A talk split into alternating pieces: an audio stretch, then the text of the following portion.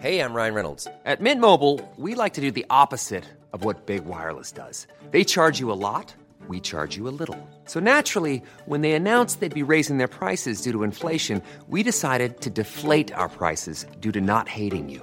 That's right. We're cutting the price of Mint Unlimited from $30 a month to just $15 a month. Give it a try at mintmobile.com slash switch. $45 upfront for three months plus taxes and fees. Promo rate for new customers for limited time. Unlimited more than 40 gigabytes per month. Slows. Full terms at mintmobile.com. Det är så här, fuck det jag måste göra. Det här kommer vara med Agnetas nyårskarameller, den här bloopen. Aj, Ja, just det, det är nedlagt. Oj, nu tappade du. Jag blev så glad av, att, av det där skämtet. Jag älskar Agnetas nyårskarameller. Det är så sjukt att folk har en relation. typ. Jag kollar på det varje nyår, of course.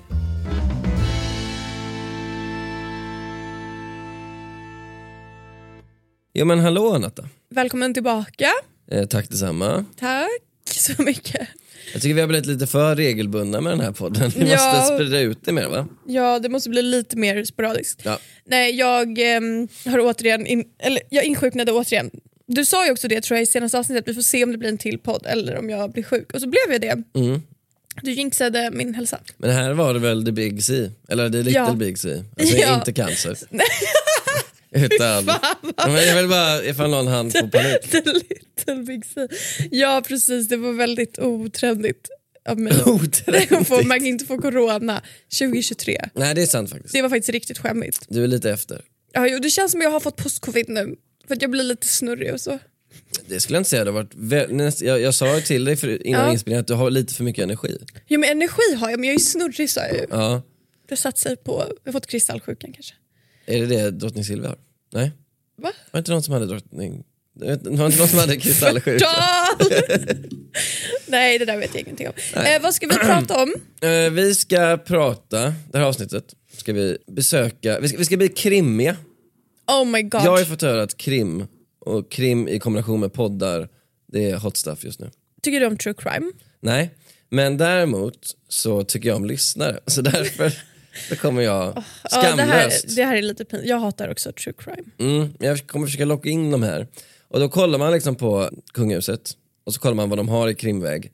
Och det är inte jättemycket liksom. Nej. Det är svårt att göra ett krimavsnitt om att eh, Carl Philip har kört för fort. Den här Hans Aro hade P3, inte liksom- P3-jingeln. Du, du, du, du, du, du. Ja det gick så jävla fort där i backen. Nej. alltså, vittne säger, Hans 43 såg eh, Carl Philip fara Nej, jag trodde inte mina ögon när jag såg att det var prinsen i bilen. Nej. Nej, det blir inget sånt. Nej. Men däremot har vi faktiskt ett, ett case här som är Spännande. Mm. riktigt spännande. Känner du till stöldhärvan som drabbade prinsessan Kristina och hennes make Tord Magnusson? Mycket vagt. Bra. Mm. Det är skönt att du inte är någon eh, auktoritet på frågan. Nej, För jag vill eh, överraska dig med lite grejer här. det låter jättekul. Mm, för det är planen. Eh, eh, och även lyssnarna, om ni inte är pålästa om det här fallet, så vi, eh, andas ut. För det är min uppgift att lära er att berätta den här historien. Som är ganska spännande. Andas ut lite. Den är också ganska mörk. Vi har gjort några ganska mörka avsnitt i rad. Känns Ja, det. här ingen- kommer också vara mörkt. Men det är, jag tror också det säljer. Jag tror att vi Smutsen, och sen så blir det kungliga gåshudsmoment igen. igen med en massa böl. Men jag tänker vi tar lite bakgrund. Vi har ju snackat en del om prinsessan Kristina i den här podden. Så där behöver vi inte påminna Har vi folk. det? Men Verkligen? lite har vi väl. Alltså vi har pratat ganska mycket om Hagasessorna. Ja. Okej, vi kan säga att hon är väl den som brukar målas upp som den intellektuella av dem. Hon har skrivit böcker, hon har liksom släktforskat. Hon är också den överlägset mest mediala av dem. Mm, det är alltså Eh, kungens syster. kungens syster. Hon dyker upp titt som tätt. Har ni sett en av de 50 dokumentärerna som producerats om kungahuset de senaste åren? För att det har varit massa jubileum och sånt. Eh, Så har, har ni sett henne. Jag som Hagasessa. Eh, va? Linslus. Ja. ja, du som Lin- Jag tror du menar att hon har gjort en dokumentär som hette Jag som Hagasessa. Jag tänkte, fan har jag missat den? Jag har inte gjort mitt jobb. Jättekul, du bara ja. Ja, ja, ja, den, den, den, den var jättebra, jag såg den flera gånger. Eh, nej. Däremot, eh, hon, hon har förekommit eh, som speak, talking head ganska mycket. Hon är då gift med en man som heter Tord Magnusson. De träffades på en lunch första gången 1961. Sen blev det lite av en sån här Victoria Daniel story. Att hon inte fick gifta sig förrän 1974. han var ju också ofrälse, han var ju inte prins. Så hon tvingades ju lämna ifrån sig sin, eh, hennes majestät titel. Hon är fortfarande prinsessa men hon tvingades lämna ifrån sig sin allra mest förnäma titel för att gifta sig med en commoner. Var han bara en vanlig liksom, Ja, alltså vanlig, Löst folk? Ja, alltså inte, inte lika lös då som prins Daniel som ändå kom från Ockelbo utan han var liksom vän med kungen och umgicks i de kretsarna. Liksom. men gud vilka höga krav man har. Ja, men det roliga är att hon gick ju till eh, den föregående kungen, alltså kungens, vår nuvarande kungs farfar eh, och bad om att få gifta sig redan 1973 men fick då nej. För att, eh, det här vittnar om vad farfar tyckte om, om vår kung, alltså som sin sonson. Han sa nej, för jag vill inte att prinsen, kronprinsen ska bli ensam på slottet. Nej, Han var bara, han var bara 27. men gud vad sorgligt. Ja, ja Eller? det är ett eget avsnitt att eh, han tänker att en 27-åring inte ska lämnas ensam. Alltså, det, att han måste ha sin stora syra med. Anyway, det här är inte storyn då. Nej. Men det, det var bara bakgrund. Så Tord och Kristina har varit gifta sedan 1974, har tre barn, hur stadigt som helst, bor i en fancy lägenhet. Eh, han är reservofficer, affärsman. Han är liksom, han är inte kunglig men han är ändå en, en, en grundmurad del av societeten. De är rika. Men det Tord också har, det är ett brinnande engagemang för, vad ska man säga, internationella fredsfrågor. Okej. Han är ju generalkonsul för Mauritius nu till exempel, fortfarande. Det är bara kul att ta en sån glammig plats. Så är det. Och han är också ordförande och en av grundarna av Interpeace. Som jag inte hade hört talas om innan. Men det är alltså en organisation som arbetar på olika sätt för, med, med, fredsförebyggande åtgärder runt om i världen. Så det finns ju liksom en, ett internationellt, vad ska man säga, patos hos Tord. Och det är väldigt viktigt för den här storyn. För det finns ju tre då eh, aktörer i den här krimstoryn. Och det är Kristina, prinsessan, kungens syrra. Det är Tord, hennes man. Och eh, mannen som vi ska kalla 19-åringen. Ah, nu snackar vi. Nu, Alltså, nu är det krim va? Nu är det verkligen vad blir det för bord eller vad de här poddarna heter. Det här är bra. Ja, Kan du inte du prata med krimpoddröst? eh, jag har aldrig hört, lyssnat på krimpodd. Du har väl hört rösten? Nej. Du ska prata så här. 19-åringen trodde inte att något skulle hända när han gick in i lägenheten. 19-åringen träffade Tord. Ja, när- exakt så. Exakt så. jag eh, orkade precis två sekunder. Ja, skitsamma. Mm. Nej, 19-åringen då, lite bakgrund på honom. Och här kommer mörkret in då. Eh, han är då flykting från Somalia, flyr kriget där. Hamnar först i Holland, eh, där han snabbt hamnar i kriminella kretsar, alltså som 16-åring. Eh, flyr sig han vidare till Sverige, där han hamnar då i Tensta. Och Tord har ju ett, eh, som sagt ett samhällsengagemang. Så han får upp ögonen för då den här eh, 19-åringen i samband med att han är i Tensta och arbetar för utsatta ungdomar. Då. Okej. Och eh, Det här mötet då blir så starkt. De liksom finner varandra verkligen. Det- Jag antar att det är någon slags far och son relation. Det blir så starkt så att Tord eh, kommer fram till att han vill mer eller mindre adoptera honom. Den här Otroligt. Den här killen då som då är 17 om jag räknat rätt. Ja.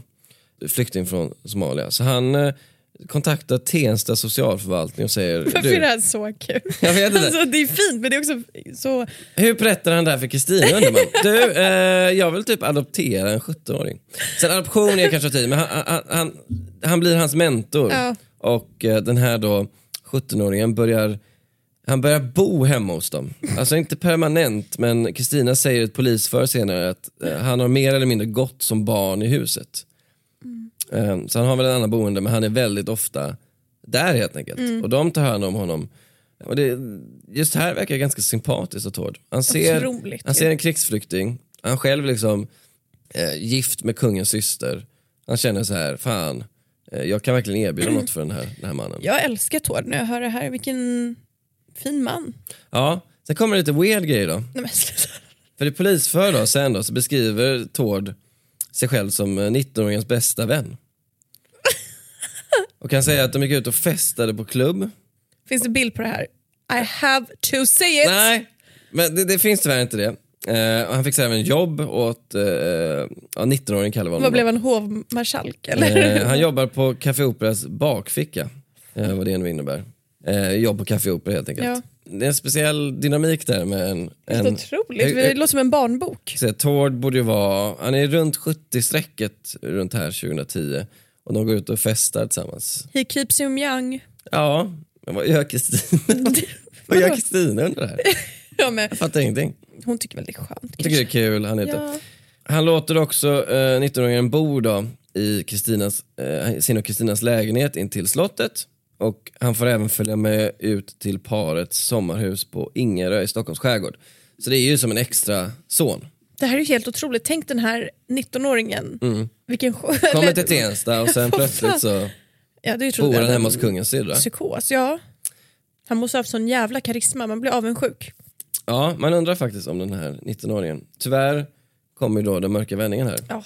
För då har han bott där, mig. han har bott där, det här är i slutet av april 2012, så då har alltså de känt varandra i två år. Han har varit, eh, vad ska man kalla det, protégé till Tord i, i, i två år. Han har varit som deras extra son. Han har bott där ganska länge.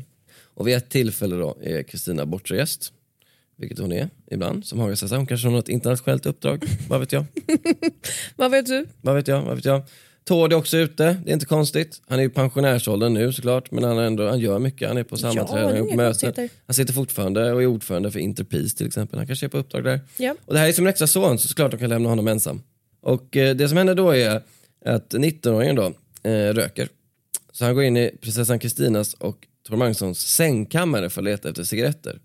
Eh, Ett, att de har en sängkammare. Vad är en sängkammare? Jag vet inte, inte det bara ett sovrum då? Ja, Ja. de kallar det sängkammare. det är lite it. finare folk. Ja. Och nu blir det nästan så, nu blir det coolt på riktigt. Nu blir det så här spionroman. Då upptäcker han då ett, ett lönnfack i bokhyllan. Nej. Det finns alltså ihåliga böcker. Alltså det finns böcker som inte är böcker. Ja, jag vet vad, Som- jag vet vad Jo men, jag, för, är. jo, men alltså, jag vet inte, det är så urgröpta böcker. Men då undrar man hur många riktigt- av, av dem det fanns. För jag kan tänka mig att deras bokhylla är väldigt välfylld. Mm. Det krävs ett jävla arbete för att hitta... Hittar han den också Ja. av en slump? Han sa så här, den här boken vill jag läsa. Han tar ut, vilken bok kan det vara? Kan det vara Nenne Björnbergs memoarer som vi avhandlade i tidigare avsnitt? Han tar ut Ja. den och bara, ah, det här vill jag läsa om. Det här, min extra mamma var hur hon levde som ung. Så öppnar hon den bara, vänta lite. Har inte du funderat kring det någon gång? Nej. Ja. Och så hittar han ändå en nyckel och han fattar att det här är nyckeln till ett säkerhetsskåp i klädkammare. Vilket är en, jag vet inte vad är en klädkammare? Garderob? Nej. Ja, fast det är väl lite en större garderob då. Då tar han den här nyckeln då. Nej, 19-åringen! Ty, tyvärr gör han men det, får, det här är en kille som har flytt från krig liksom. Nej, Men, ja, eller vad menar du? Han Ja, har men- ju fortfarande bott hos dem i... Alltså han har ju skapat ett emotionellt band till de här. Ja, jo, så eller är du har det. inte sagt vad som händer i klädkammaren. Nej, Keep on säger- going. Då, då hittar han klädkammaren, nej han är, klädkammaren hittar han inte, den vet han ju vad det är. Men han hitt, säker, Men han går runt med en säker, karta. säkerhetsskåpet, som Ja. han, jag vet inte, han kanske har skymtat det. Mm. Eh, Han, har, han har sett det skymta förbi, kanske när eh, Tord har bytt om och så har han öppnat och så ser han, ah, där finns ett, eh, ett skåp, säkerhetsskåp. Nej, då får det låta som att han verkligen har planerat det. Mm. Ja, det är det. Jag tror att du är lite fel ute. Ja, jag, oklart. Hur som helst, han öppnar det här säkerhetsskåpet. Hittar där två stora guldringar som Kristina ärvt från sin mor, alltså Mm. Sibylla, Ja. kungens mamma. Ett flätat guldarmband som Kristina har fått från Etiopiens kejsare som 13-åring. Det är så jävla barockt. Alltså det är ett guldarmband, ska vi har lite mer info om det här. Hon fick det av Etiopiens kejsare Haile Selassie när han var i Sverige på statsbesök eh, 1956. Det är ett flätat stelt armband, eh, kan vi läsa. Snyggt. Vill ha. Det är så mycket märkliga formuleringar. Klädkammare, Det- stelt armband. Det låter som att du har hittat på eller skrivit en... Det här är din tredje roman eller vad är det som händer?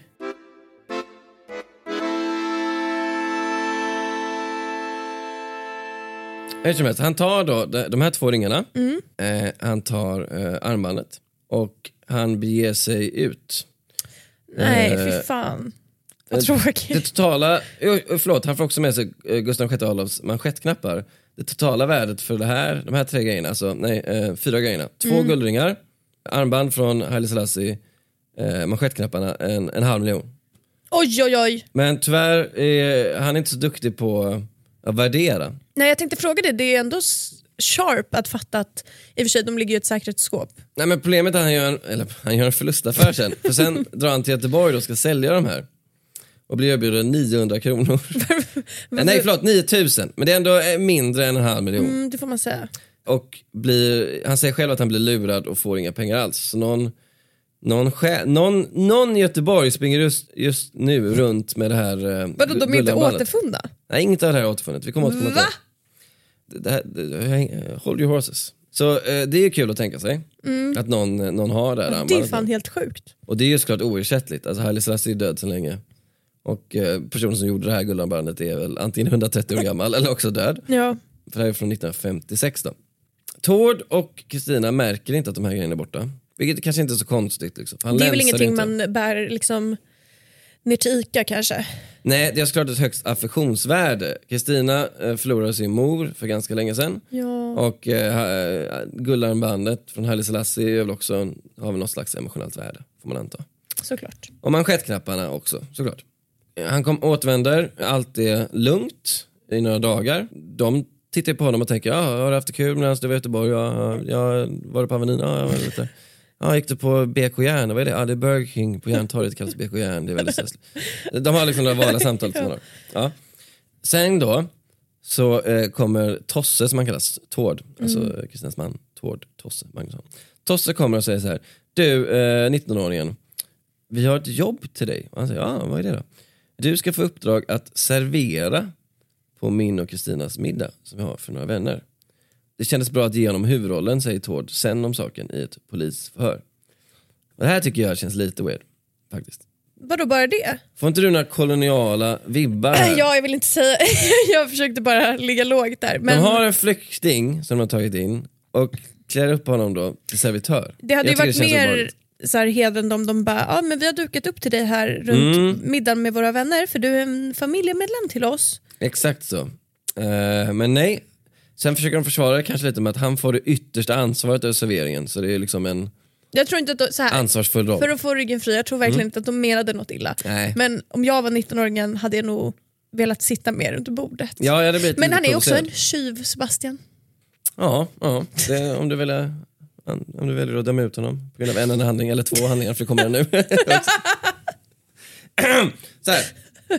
Det här tycker jag, här, nu börjar han bli liksom en briljant mästertjuv då. För att eh, Ja, det- kalaset var lyckat då, middagen går bra, han serverar jättebra, han tappar ingenting. Nej. mig veterligen. Och eh, de är ju på Slottsbacken, där, där Tord och eh, Kristina bor. Och gästerna då vill ha en rundvandring. Och då säger Tord, eh, ja men eh, gud, absolut, det sköter vi. Och Kristina, följ med du. Eh, 19-åringen, följ med du. Eh, också. Eh, nej, säger 19-åringen. Eh, jag vill stanna kvar och fixa lite med disken. Sådär. Och vad gör han då? Tror du Lotta? Jag tror han rensar fickorna på gästerna. Mm. Nej, det han, ja, det han gör är att han går tillbaka till de urgröpta böckerna. Fan vad bold. Han när hittar, han hittar Nenne Björnbergs memoarer, om vi utgår från att det var där de hade gömt eh, nycklarna. Sen går han till sitt eh, ja, till kassaskåpet som han har tömt förut, eller tömt, han plockade fyra grejer. Och det han då hittar där då är ett diadem som Kristina bar på Nobelfesten eh, 2011.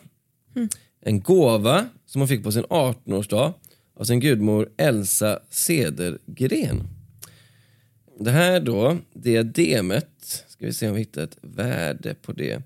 Det är alltså ett, förlåt, ett briljant diadem med små gammalslipade diamanter, jag vet inte vad gammalslipad betyder, och orientaliska pärlor. Värde 350 000 kronor. Alltså en fråga. Får jag bara lägga till en grej, apropå att Kristina kommer från en annan värld. Hon, hon säger så här i polisförhöret, "Ah, det var inga stora stenar, det är inte stenarnas värde i sig som är viktigt utan affektionsvärdet. Så 350 000 kronor, nej det är inte så mycket. Ja men du får ju tänka att hon kommer ju aldrig heller sälja den vidare. Nej. Så det är väl klart det Men det jag undrar är att hans första kupp Ja. gick ju åt helvete, han fick ju 9000. Mm. Vad är det som får honom att tänka så här? det här är en business. Men han ger väl inte upp, han tänker okej nu väljer jag Han mig. fattade ändå, ja okej. Fast det, nu kommer vi ju till samvetskvalen i och för sig. För att det han gör sen då, är att han, han stoppar på sig det här då. Och eh, Det här är otroligt, det här är som, känns som en julkalender lite grann. När man ser honom tassa fram diskaren, går in Ja. i prinsessans eh, skåp. Du känner inte det eller? vi, vi gör så här, SVT om ni lyssnar, vi pitchar det här som en julkalender. Jo, men typ alltså. 19-åringen som Alltså jag är helt... Jag, ja det låter ju som det. Mm, det han Ja. gör då, här, här kan vi diskutera motivet. För det han gör då är att han, han försöker inte sälja den här överhuvudtaget. Utan han beger sig ut då, han säger hej då, eh, tack, för, eh, tack för den här kvällen. Och de säger ja, tack själv. Så drar han. Eh, sen går han då till en bro och kastar det här Va? i sjön. Eller i sjön, ja riddar. Vill han, s- alltså, vill han bara straffa henne eller? Det är frågan. Jag har två teorier då, som, som krim, erfaren krimpoddare. Antingen vill han straffa dem, kanske då, nu psykologiserar jag och spekulerar väldigt mycket, just för att de tvingade honom att vara servitör. att han tänker så här, jag är som ert barn, nu gör ni mig till tjänstefolk. Ja. Eller att han får panik, dåligt samvete och bara vill ha bort det. Och inte ens, kan inte ens föreställa sig att han ska lämna tillbaka det för han skäms så mycket så han vill bara bort med det så, och så hoppas vi att hon tror att det är borttappat. Ja. Jag, jag tror väl i så fall realistiskt mer på, på den andra teorin. Mm. Det känns också som att han var ju inte iskall första gången så varför skulle han inte bara kunna... Det, jag, ty, jag, jag tycker det känns som att han vill hämnas. Kanske. Han, eh, Han kanske känner ett agg mot Kristina, han gillar ju Tord väldigt mycket. Ja, det, det kommer vi in på nu faktiskt. Jag är ju... Men eh, eh, det sägs då att han, han, han, han, påstår, han säger polisförare att efter att han slängt då iväg det här diademet eh, som Kristina haft sedan hon var 18 eh, så drar han till Stureplan för att festa. Kanske då för att glömma bort allt det. Tord då och Kristina upptäcker att de har blivit bestulna. Stackars par. Ja. Och eh, Tord misstänker 19-åringen då direkt. Gör han det ändå? Men Tord vill inte släppa taget om den här 19-åringen. Han älskar honom. Så han säger så här, kan inte vi träffas på centralstationen, så här, neutral mark. Och så snackar vi om det. Och det som då händer då är att de träffas då på centralstationen. Och Tord säger följande då i polisföret när han ska rekapitulera händelsen. Helt plötsligt känner jag hur han kastar sig på mig bakifrån, tar mig runt benet och börjar gråta. Då förstod jag att klockan var slagen. Va? Förstår inte riktigt vad han menar med Nej, jag skulle säga, vad menar? Nej, Vilken klocka är slagen? nej, det, är helt, det hänger inte ihop med det han sa innan. Men alltså att han, alltså Vad fan? se senare, alltså, det här är julkalendern då. Han hoppar runt benen och typ gråter och säger snälla förlåt mig, mentor. Eller vad han, ja. Men det är ju något lurt med att Tord misstänkte honom direkt. För att om han är som en, de har ändå haft en middag, mycket folk där. Mm. Om man verkligen är som en så här familjemedlem, inte fan tänker man att det är han som har gått och nallat, eller?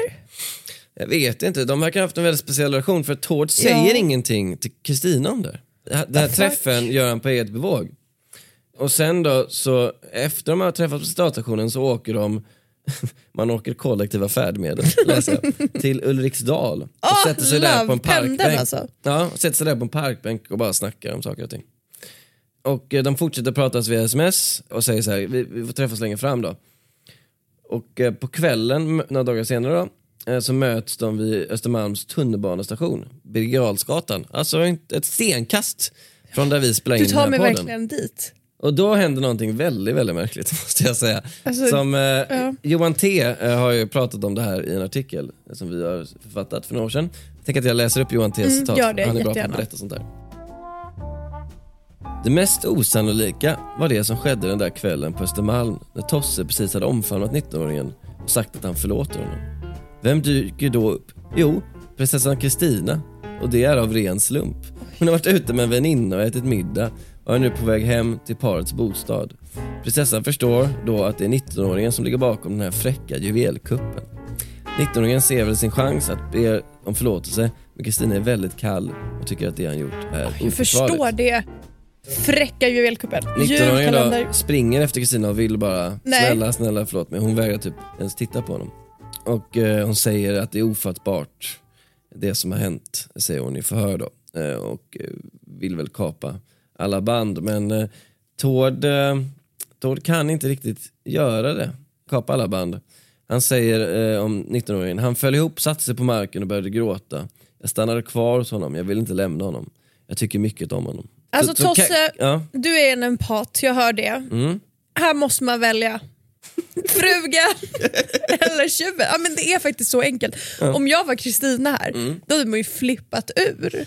Ja, Han men- har ju för fan kastat hennes släktklenoder som är värda, inte ens värdet, det är ju ännu värre när det är affektionsvärde. Verkligen, verkligen. Då hade det varit så här, du ska inte titta på den här mannen en gång till. Men, men, Eller? Jo, Ja. men du får ändå ha i, beaktande att han har överlevt krig och är utsatt man. Och, Tack är 19 för lätt argument att Ja. bemöta. Ja, men vad fan. Men vad fan. Jag kanske aldrig har känt ett sånt band då som de två hade. För jag kan inte tänka mig... För mig så hade det så här fort vänt till att jag bara, men gud. Om jag tog din laptop nu och kastade den i fjärden Min laptop! och sen, sen står vi där, jag och Johan, T har fattat att det är jag.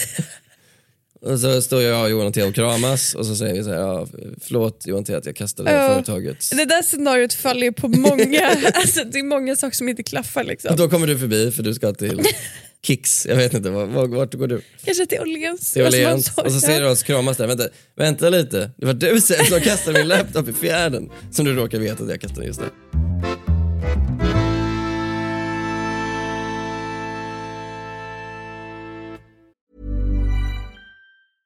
Ryan Reynolds here from Mint Mobile. With the price of just about everything going up during inflation, we thought we'd bring our prices down.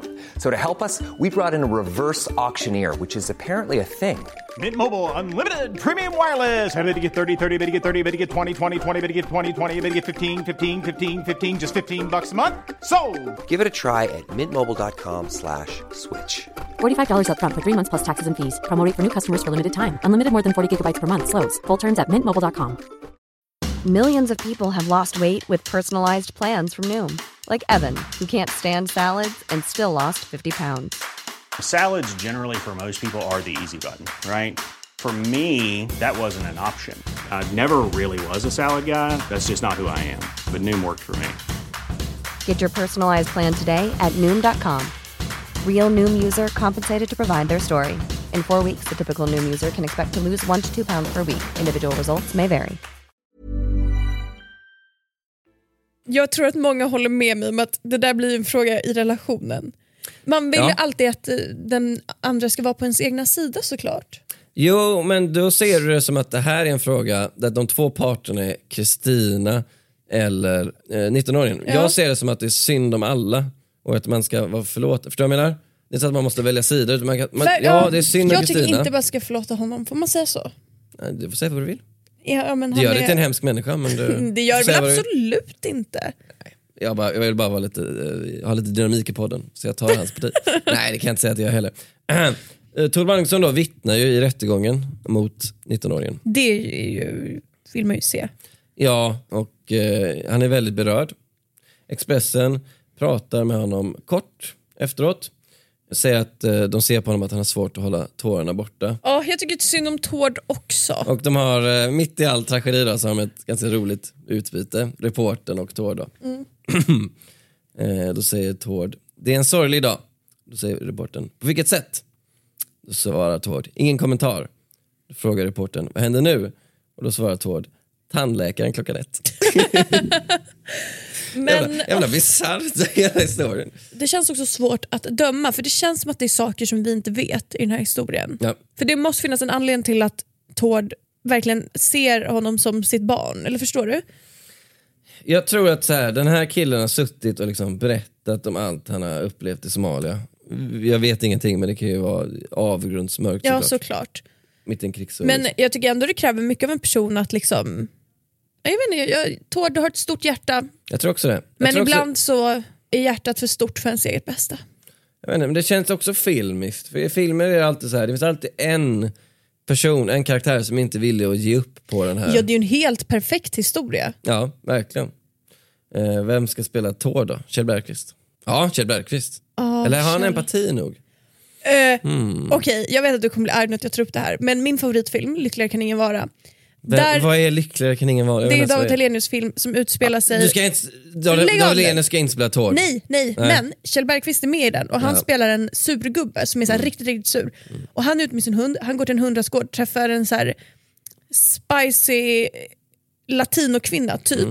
Och Han är hon, väl gift med en spicy latinokvinna på ja, riktigt? men du ser där. Mm. Och hon lyckas öppna upp hans hjärta och då blir han så här sårbar. Alltså det är så jävla starkt. Okej, så eh, Kjell Bergqvist är inte helt dum. Nej det var det jag menade, att han har ju verkligen den här empatin som är så här, ja skitsamma, jag blir uppeldad när jag pratar om den här filmen. ska du återge hela handlingen i Lyckligare det är kan ingen vara? Men jag ville bara vis- eh, berätta att han kan verkligen ha en sån genuin empati. Fan vad konstigt eh, att jag gick in på det här. Nej, jag tycker det är intressant att få en inblick Alltså den din, filmen är så djävulskt bra. i din mycket begränsade kulturkonsumtion. Eagle Eye Cherry är också med den. Ska vi kolla vad den har på IMDB då? Men jag vill inte prata om det. Och vet du, den släpptes på min födelsedag och jag har sett den kanske 17 gånger, 18. Ska vi se, den har 5,9 i och för sig. Du har inte sett den? Vet du vad den heter på engelska? Den finns den på engelska? Eller ja, det har någon engelsk Nej, vad heter den? titel. It's all about love. Ja, det var inte så bra. Den är, lite, den är lite komplicerad för det är tre, fyra olika storylines som utspelar sig samtidigt parallellt och sen möts alla de här och alla är liksom, har liksom band till varandra.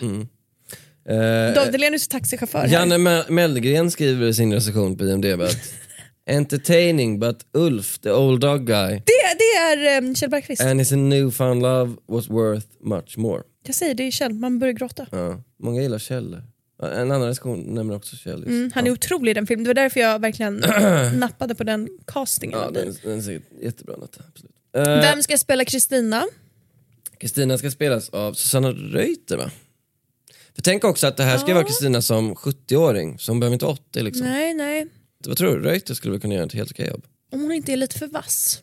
Men ska hon inte vara lite vass här? Mm, jo, men man vill ju ändå visa på Kristinas varma liksom.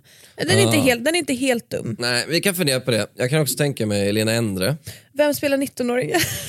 Nej men då tar man ju en svensk somalier. såklart. jag skojade. Alltså ta inte så här Alexander Karim som är så här 43 som ska spela. Eller Alexander Abdallah som spelar alla. Nej inte heller, det, måste vara, det, det ska vara en svensk somalier. Eh, annars blir jag arg. Mm. Och ska, han ska vara också 19 år. Liksom. Det får vara en ny talang. Mm, jag håller med. Anyway, vi är inte klara här då. Eh, 19-åringen då, eh, döms till skyddstillsyn. Han är då för ung för fängelse bedöm- bedömer. Ja.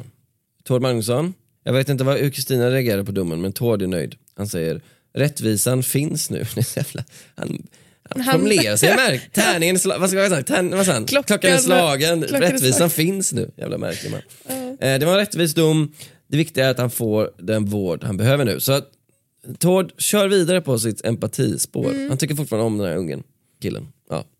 Och där eh, tar väl historien slut. Ska vi gå igenom eh, alla stölder då? Eller all, stöldgodset och det samlade värdet då? Ja, gärna. Det vi kan säga också är att armbandet, eh, polisen beger sig till platsen där 19 påstår sig ha kastat ut. Jag tänkte precis fråga dig, där måste man ju ner och dyker, dyka. de dyker, eh, hitta, har aldrig hittat det. Va? Nej, eh, så, nej förlåt, det var inte armbandet, det var diademet. Ja, vadå? diademet, diademet är borta för, för, Är det helt säkert på att, han- alltså, att han kastade det då? Nej det kan man såklart inte vara. Nej. Men eh, det har inte återfunnits i alla fall. Det kan ju inte vara så jävla svårt att hitta DD med en Å. Jag, vet du det är bättre än polisens dykare? så jag, jag, vet, ja, väl, Jag menar bara att jag, jag tror... vet inte. Kan man, är det här fallet nedlagt eller kan man ge sig in och tipsa lite? Ja det finns ju en dom så utredningen måste väl vara stängd. Men du vill öppna den? De kan säkert öppna den igen för din skull. Ja, jag tänkte säga, ni bör kika på om det finns en möjlighet att det Men vad, skedde vad, någon vad, slags ger, vad ger du affär. för konkreta tips då? Kolla igen? Är det det? Nej men eh, kolla bank, bankutdrag om man fick en fet insättning. det här måste de väl, vad tror du inte de kollar där? Ibland behöver man Ja, en du, du, ny säger, röst ah, okej, bara. du, du säger att du kastar det dilemmat men samtidigt har du fått in 350 000 kronor. Ja, jag vann på Lotto. Ah, okej, ja, men då, ja, då, Ja, men då, sen- ja, men då går vi dyker igen då. Här, ibland behöver man bara nya ögon på ett fall och då kan de här enkla grejerna låta Verkligen, det här är verkligen två krimpoddar som sitter och så här, ska berätta. Är inte det krimpoddar också alltid gör? Att här, berätta för polisen hur de borde ha gjort och så här, Jo, spela alltså jag duktiga. lyssnar inte på krim. Jag är Nej, väldigt, inte heller. jag, ska jag säga varför inte jag lyssnar på krimpodd? Alltså, För min största rädsla i hela världen det är att det ska slå slint i min hjärna. va? Mm. Ja, jag har till och med pratat med min psykolog om det. Jag sa, kan du lova att jag inte kommer bli galen och flippa ur? Hon sa, hon sa ja, kan Mm. jag lova. Men jag kan inte lyssna på krimpoddar för då känns det som att om man nu skulle bli galen, det slår slint. Skulle du ta intryck av Exakt, man vill inte ha kunskapen igen. hur man utför brott? Ja men precis. Ja, absolut. Det är absolut. så otäckt tycker jag. Du är inte rädd för att det ska slå slint eller? Eh, nej, du menar att jag ska få en idé om att, uh, att stjäla Johan T's uh, Nej, diadem? mer att du ska, det ska slå slint i din hjärna och du typ så här, kastar ut din katt för fönstret eller något. Alltså det är så här sjuka... Nej, det enda är, det är sådana tvångstankar man har. Att typ att så här, man går liksom och, på en bro med en kompis. Bara, Putta ner. Tänk om jag skulle knuffa ner den Jag vet, jäveln. jo, men exakt så. Det är exakt det som jag... Men du vet att det finns massa spärrar som gör att du inte gör det. Du, det sa min psykolog med. Ja. Hon sa innan man ens närmar sig det så finns det många spärrar Men, du, har du hört talas om någon bara random människa som bara knuffar ner någon från en bro? Nej, men Det är också det att jag inte vill lyssna, för att jag, om jag skulle höra att de sa att det har hänt. Jo men det är ju för att då har ju de människorna ofta en historia av mental ohälsa. Det är sällan någon såhär, Men Nathalie var helt normal. Men det är ju det, det är ju my biggest bara fear. knuffar hon ner sin vän Sebastian. Gud vad snällt att du säger det här till mig, det här är jättebra. Ja, eh, det är sjukt att jag ska behöva göra det. Eh, nu vill jag gå igenom allt stödgods då. Ja, gud förlåt, lite sidospår. Vi har ju då briljantdiademet, små gammalslipade diamanter, 350 000 kronor. En ring då i vitt guld, stor antikslipad diamant i okänd karat, 450 000 kronor.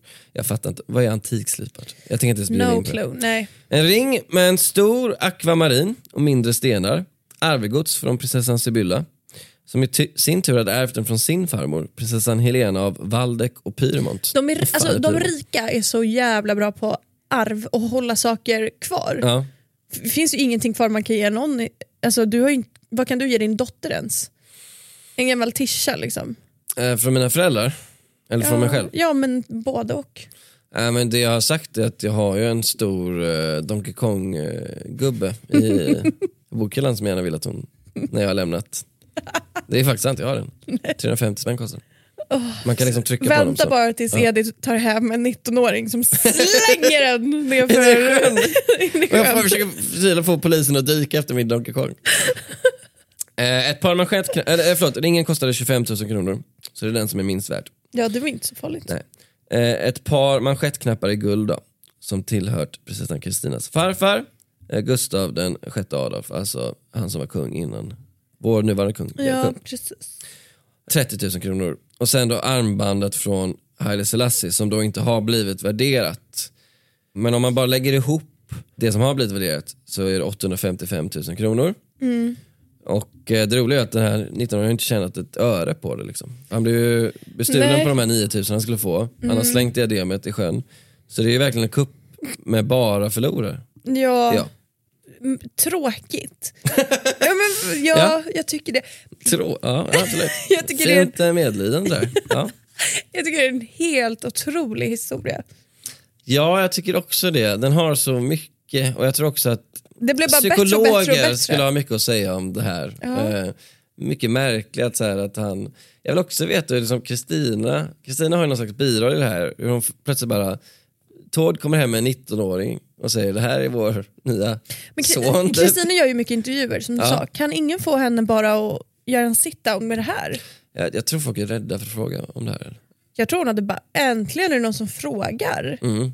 Den där Jag har ju för fan varit tystad i liksom tio år. Men gör det då nästa gång då. Nästa gång hon är på något litet event och ska inviga någon Och fy vi, fan. någon liten eh, del av ett museum, Mm. mm. landsbygdsmuseum någonstans, kan väl du bara, du gick det med den här 19-åringen som nu är 30? Eller vad. Gick vad gör 30-åringen? han? Han måste ju vandra fri. Ja, om han lyssnar och vill Nej men gud, nej nej gästa nej, säg inte så, inte så, inte så, inte så. och vill lära Natta lite. inte så. Jag tänkte inte på att han ju... Nej men gud nu tycker jag, nu ångrar jag hela avsnittet. jag, gör det. ja. Men det ska ändå publiceras. Nej men gud, nu fick, jag, nej, Sanningen men gud, nu, fick, nu fick jag panik. Jag vill bara säga att jag tycker att rättvisan skit, skipat, vad säger man? Rättvisan är här, är här nu, eller vad fan? Rättvisan, vad fan sa Ja, han? och- Rättvisan finns nu. Och nu är han en fri man och jag tycker Ja. att han inte har gjort något eh, konstigt. Tycker du? Ja. Jag vill inte att han ska höra. Alltså, du kan inte viska för han, han kan ju fortfarande höja volymen. Alltså, om Jag han lyssnar. panik. Ja, Usch, ja, ja. ja. Han rör sig också här Men- ju. Du menar på Birger Jarlsgatan? Rör sig. Men vad menar du med att han ska höra att vi pratar? Alltså, Och jag kanske sa det är ett något- ljudisolerat poddrum, han hör ju ändå Nej inte. men att han ska höra podden och Aha. att jag kanske sa typ så här. Åh fy fan vad dum tjuv. Och Mm. då vill inte jag att han ska höra det. Jag får ångest av det på riktigt. Ja. Du är Sveriges räddaste kvinna. Alltså. I know. Ja, det är otroligt. Varje dag kommer med någon ny grej. Det är... Så nu är den här 19-åringen då en ny grej att lägga på listan. Åh jag orkar inte. Vad skulle han ta från dig då och slänga i, i din laptop? Eller vad skulle han slänga i sjön? Ja, just nu är man jävligt billigt. Ja, nu, nu, nu är det svårt att hitta någonting. Nu är det svårt att hitta någonting som Jag hittar skulle... faktiskt ingenting. Ja, nej. Nej. Din DVD med lyckligare kan ingen vara. Eller Blu-ray kanske. Blu-ray. Stort tack för att ni lyssnade den här gången. Ja, och Vi Seb, älskar er. stort tack för ett kanonavsnitt. Ja men det var det. Ja, men det, här var, det, var, det, är en, det är en jävligt bra story. Det får man ändå ge, eh, ge alla tre. Alla tre aktörer. Applåd till, eh, ni bidrog. Ni gjorde ett jobb. Eh, och ni gjorde ett jobb som lyssnare. Så hörs vi snart igen. Ta hand om er. Hej. Tack och hej.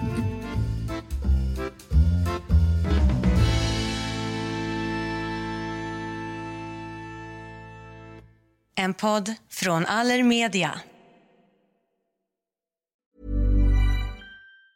Mom deserves the best, and there's no better place to shop for Mother's Day than Whole Foods Market. They're your destination for unbeatable savings, from premium gifts to show-stopping flowers and irresistible desserts. Start by saving 33% with Prime on all body care and candles. Then get a 15-stem bunch of tulips for just $9.99 each with Prime. Round out Mom's menu with festive rosé, irresistible berry chantilly cake, and more special treats. Come celebrate Mother's Day at Whole Foods Market. Even when we're on a budget, we still deserve nice things. Quince is a place to scoop up stunning high-end goods for 50 to 80% less than similar brands. They have buttery soft cashmere sweaters starting at $50, luxurious Italian leather bags, and so much more. Plus, Quince only works with factories that use safe, ethical, and responsible manufacturing. Get the high-end goods you'll love without the high price tag with Quince. Go to quince.com slash style for free shipping and 365-day returns.